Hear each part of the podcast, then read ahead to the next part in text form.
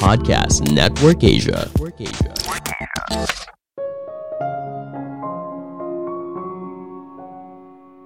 Sukses itu relatif. Jangan jadikan standar kesuksesan orang lain sebagai tujuan yang harus kamu capai dalam hidup. Kamu berhak menentukan standar suksesmu sendiri.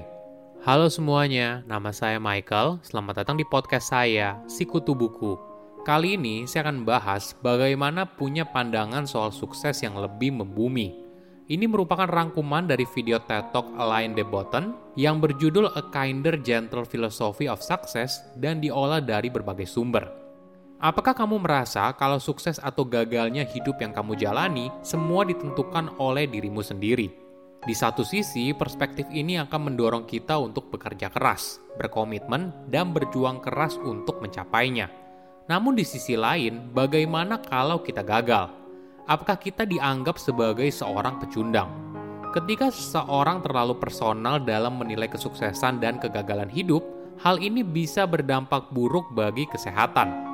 Kita jadi mudah cemas atas taraf hidup yang sudah kita capai saat ini. Apalagi ketika ada orang yang seumuran tapi hidupnya jauh lebih sukses. Hal ini bisa saja membuat kita jadi minder atau menganggap kalau diri kita tidak cukup baik.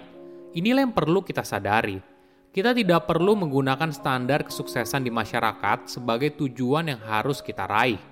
Sebelum kita mulai, buat kalian yang mau support podcast ini agar terus berkarya, caranya gampang banget. Kalian cukup klik follow. Dukungan kalian membantu banget supaya kita bisa rutin posting dan bersama-sama belajar di podcast ini.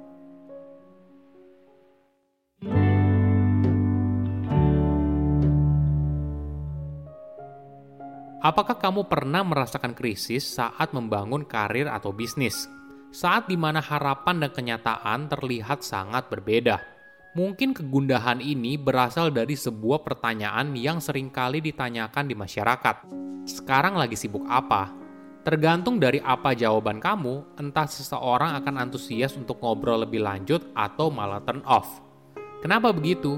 Karena mayoritas orang sering kali mengaitkan waktu yang bersedia mereka alokasikan berdasarkan dengan siapa mereka bicara.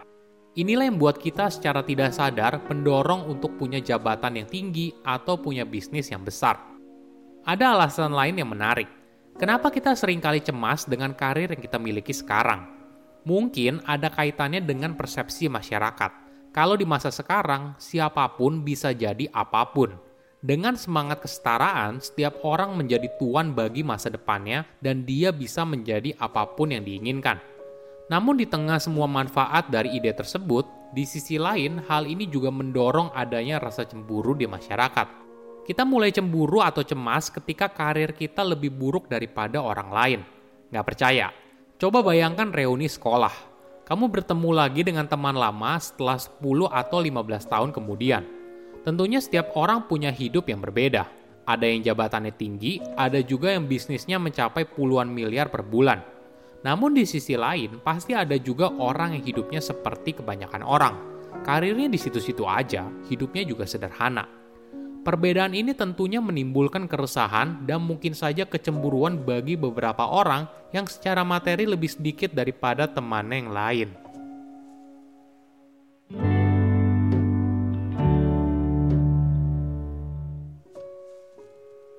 Ada pandangan yang menarik. Apakah kamu merasa kalau setiap orang harus dinilai berdasarkan kontribusinya? Tentu saja mayoritas orang setuju. Ide ini sering kali dikenal sebagai meritocratic society. Jadi kita percaya kalau orang yang berada di atas memiliki jasa paling besar, bekerja paling keras, dan sebagainya. Setiap orang dinilai bukan berdasarkan garis keturunannya, tapi berdasarkan jasa dan juga kontribusinya. Tentu saja ide ini sungguh indah, namun di sisi lain, apakah orang yang secara finansialnya lemah merupakan orang yang kontribusinya rendah pada masyarakat? Jika benar begitu, maka kegagalan akan terasa semakin menyakitkan. Pola pikir masyarakat soal kesuksesan dan kekayaan memang berubah sepanjang masa. Misalnya pada masa abad pertengahan di Inggris, ketika kamu bertemu orang yang miskin, kamu akan mengatakan orang itu tidak beruntung. Namun di era sekarang, khususnya di Amerika Serikat, Ketika kamu melihat orang yang berada di paling bawah dalam masyarakat, maka mungkin saja kamu mengatakan kalau mereka adalah pecundang. Ada perbedaan besar antara kurang beruntung dan pecundang. Di era sekarang, ketika kita berada dalam kemiskinan, kita dianggap kurang berusaha, kurang bekerja keras, dan sebagainya. Masyarakat saat ini menganggap kalau setiap orang bertanggung jawab atas hidupnya sendiri. Kamu juga menemukan hal yang sama ketika kamu datang ke toko buku. Ketika kamu datang ke bagian pengembangan diri, mungkin kamu akan menemukan dua topik yang bertolak belakang. Di satu sisi, topiknya membahas kalau kamu bisa menjadi apa pun yang kamu inginkan. Namun di sisi lain, topik yang dibahas bagaimana menangani kepercayaan diri yang rendah atau bagaimana agar tidak selalu menyalahkan diri sendiri. Inilah yang mendorong peningkatan kecemasan yang kita rasakan atas karir yang kita jalani dan juga status kita di dunia. Bahkan dalam kasus yang ekstrim, hal ini bisa mendorong tingkat bunuh diri di wilayah tersebut.